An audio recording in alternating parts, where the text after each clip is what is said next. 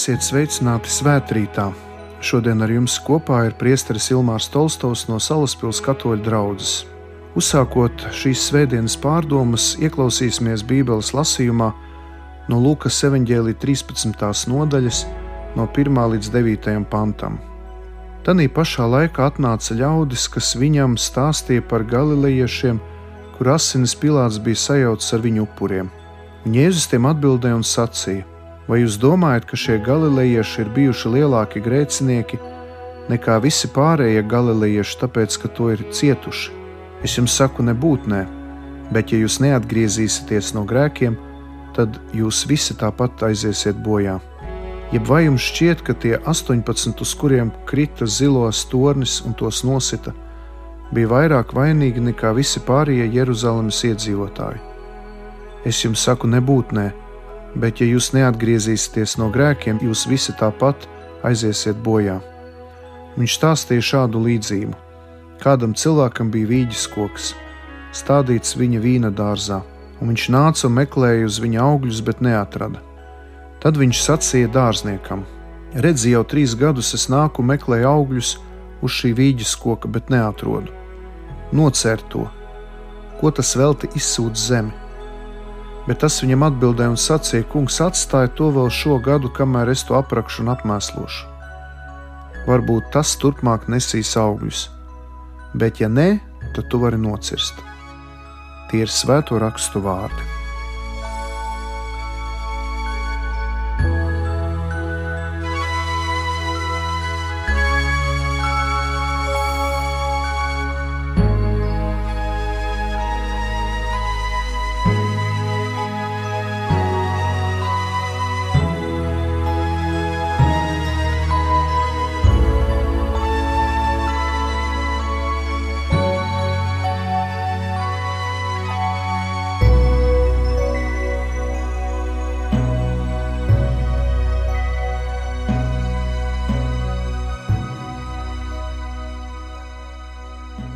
Darbie radioklausītāji, šodienas evanģēlīja fragmenta sākumā mēs dzirdējām, kā pie Jēzus atnāca daži cilvēki un pastāstīja Jēzum par kādu nopietnu atgadījumu. Bībeles pētnieki nav līdz galam noskaidrojuši, kas tas varētu būt par notikumu. Daži domā, ka Paskas svētku laikā Jeruzalemes templī, jeb svētnīcā, romiešu karavīri nogalināja dažus galilejiešu svētceļniekus. Tādēļ tie, kuri atnāca pie Jēzus, vēlējās noskaidrot, kādēļ šiem svētceļniekiem, kuri bija dievbijīgi un ticīgi cilvēki, bija jānomirst svētnīcā. Ko tad ļaunu viņi bija izdarījuši? Šodienas kara apstākļos, kas norisinās Ukrainas teritorijā, varam uzdot līdzīgu jautājumu: kādēļ cieši nevainīgi cilvēki Ukrainā? Kāpēc no Krievijas uzmestajām bumbām ir jāmirst tik daudz Ukrainas cilvēkiem, vai tad viņi ir kaut ko nogrēkojušies? Vecajā derībā bija plaši izplatīts uzskats, ka cilvēka slimības, ciešanas un nāve izriet no cilvēka grēcīgās dzīves. Šodienas evanģēlīja fragmentā atnākušo cilvēku jautājumā ir manāmas atblāzmas no šī uzskata. Jāņa evanģēlīja 9. nodaļas sākumā arī ir aprakstīta šī vecās derības pārliecība, kuru Jēzus uzreiz koriģē. Citāts no Jāņa Evanģēlī 9. nodaļas. Un garām ejot, Jēzus ieraudzīja cilvēku, kas no dzimšanas bija neredzīgs. Un mācekļi viņam jautāja, rabi, kas ir grēkojis viņš pats vai viņa vecāki, ka viņš neredzīgs piedzimis. Jēzus atbildēja, ne viņš ir grēkojis, ne viņa vecāki, bet dieva darbiem vajag parādīties viņā. Citāta beigas. Tomēr ciešanu nomāktam cilvēkam, arī tādam, kas ilgstoši ir piesiets slimības gultai vai vēža slimniekam pēdējā stadijā, ir ļoti pamatots jautājums, par ko man tādas ciešanas un krusts. Vai tad Dievs to visu neredz? Kur tad ir taisnīgums? Kāpēc viens cilvēks dzīvo zili zaļi un otram ir tā jācieš? Man nekādi nepalīdz jūsu gudrā filozofēšana vai jūsu teoloģija.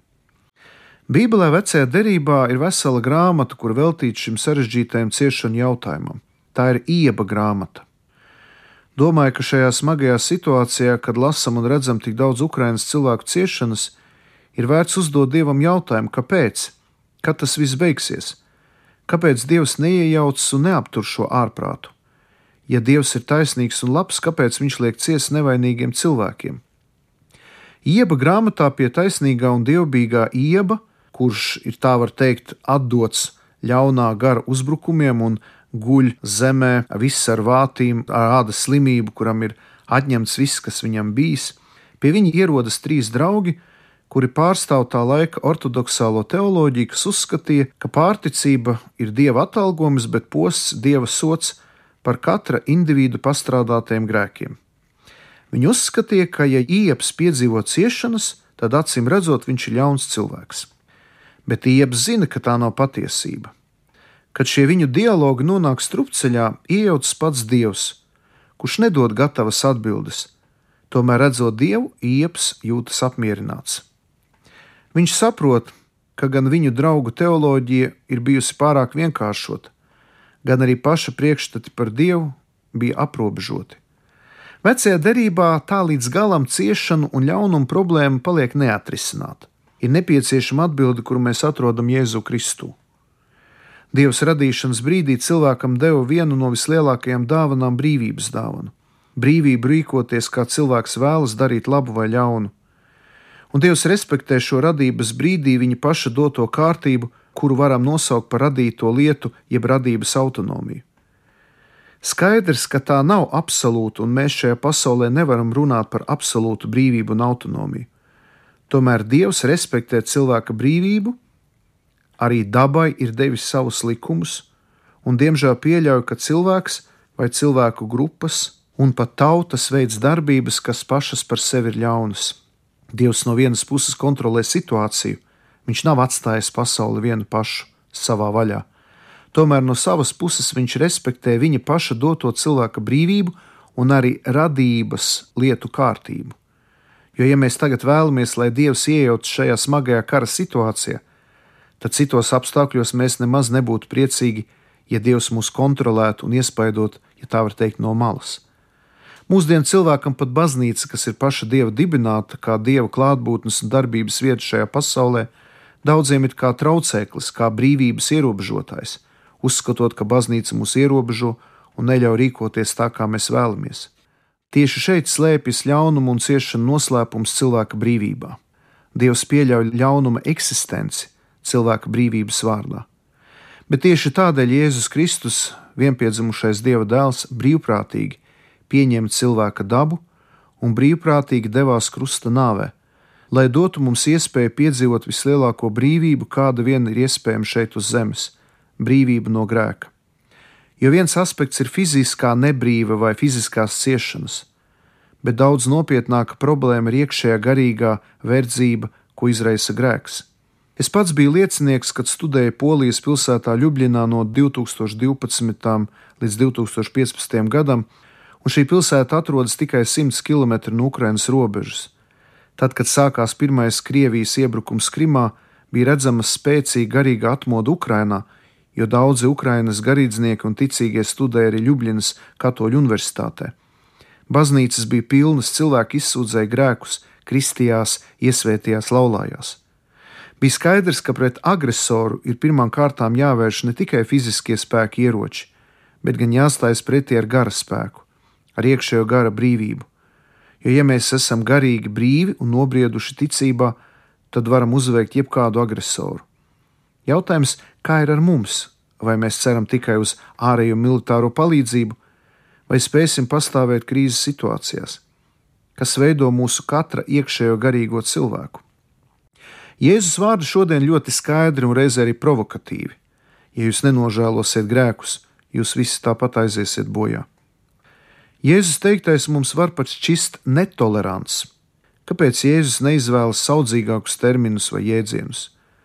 Citā vietā Jēzus saka, Marka evanģēlija 8. nodaļā, 36. pantā: Jo ko tas cilvēkam palīdz, ka viņš iemanto visu pasauli un zaudē savu dvēseli?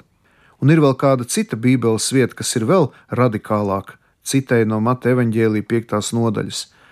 Bet, ja tava laba acis tevi apgrēcina, tad izrauj to met prom, jo tas tev labāk, ka viens no taviem locekļiem pazūd, nekā ja visa tava miesa to piemest ellē.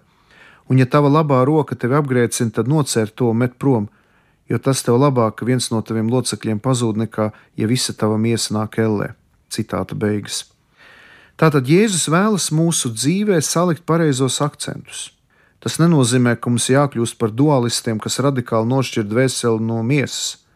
Cilvēks ir vienots veselums, un mums ir svarīgi rūpēties par savu drošību, dzīvību, veselību un labsajūtu. Tomēr dvēseles pestīšana, mūžīgā dzīve ir liekama kā mūsu dzīves prioritāte.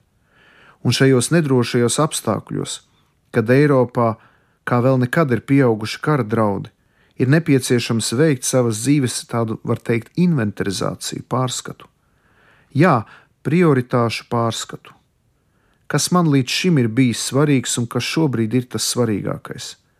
Vai nav tā, ka līdz šim es esmu tik ļoti pārdzīvojis par tik daudz mazsvarīgām lietām, ka tagad, kad pieaug spriedzi un nedrošība, es varu no jauna paskatīties uz savu dzīvi ar atjaunotu skatienu. Kādi ir manas dzīves augļi, vai ikvienu savas dzīves dienu nodzīvoju kā pēdējo, vai esmu gatavs stāties Dievu priekšā un es norēķinu par savu nodzīvoto dzīvi. Noslēdzot šīs pārdomas, vēlos nolasīt īsu fragment no Aleksandra Čaka darba kas tapis 30. gados, saucas mūžības skartie, un veltīts latviešu strēlnieku varonīgajām cīņām Pirmā pasaules kara un pilsoņu kara frontēs. Daudzi ir apšaubījuši šī sprediķa autentiskumu, bet tomēr pēdējo gadu pētījumi pierāda to, ka arī balstoties uz daudzu liecinieku liecībām, ir noskaidrots, ka šis sprediķis ir bijis. Jautājums, protams, varbūt par to datumu, par to laiku, bet eh, šis sprediķis ir bijis un Viņš tā tad ir teikts 1916. Eh, gada 17. jūlija rītā. 5. zemgales latviešu strēlnieku bataljonam ceļā uz Smārdas iecirkņa fronti, kur gatavojās ievērojams Krievu armijas uzbrukums. Viņi iegriezās Piņķu mūžā. Šeit pulkstenis trijos pēc pusdienas pulkvedis Jukums Vācietis, bataljona komandieris un nākamais padomu Krievijas strādnieku un zemnieku sarkanās armijas virspavēlnieks noturēja Piņķu mūžas vecajā 1662. gadā celtajā Nikolēja baznīcā, kuru tagad pazīstam kā Svētā Jāņa baznīcu, savu slaveno dievkalpojumu. Mazliet nocitēšu viņa teiktos vārdus šiem karavīriem, lai iedvesmotu viņus cīņā par Latviju.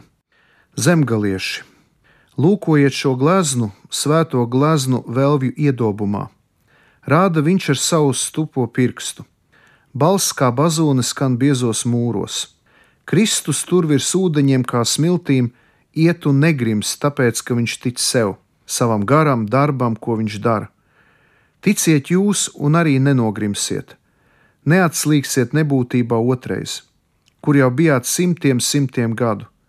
Savam spēkam zemgalieši ticiet, savam naidam, savai izturībai, savām tiesībām un slēptai laimei. Akmenis, uz kā jūs stāvat jūsu, Katra puķa, ko jūs redzat jūsu, koki zāle, visa zeme jūsu, debesis augšā telpa apkārt jūsu. Tā kā acis plecs un cietā plauksta, sūrsme, ko jūs savā sirdīs jūtat, tikai ticiet, un šie mūri vēlves, un es pats ar visu sevi jūsu. Tikai ticiet, zemgaliešu vīri, tad ir nāve nebūs vairs par grūtu. No zemzemes jūsu tauta ceļas, tumsa lobās nost no viņas plakstiem, pirksti attirps ceļos rodas siltums, un uz lūpām elpa aug kā brīns. Irnes druskas matos kļūst par gaismu, krūtis izdzer pasauli kā olu. Dēlnas, kur uz mūžiem bija gūlies, visu darbu sarecējis smagums, tagad ceļas līdzi putniem saulē, no zemzemes jūsu tauta ceļas. Bet bez asinīm tai neuzcelties, jūsu asinīm un jūsu kvēles. Tas ir zieds, kas viņas sirdi glabās, stiprums lielais, kas to kopā turēs.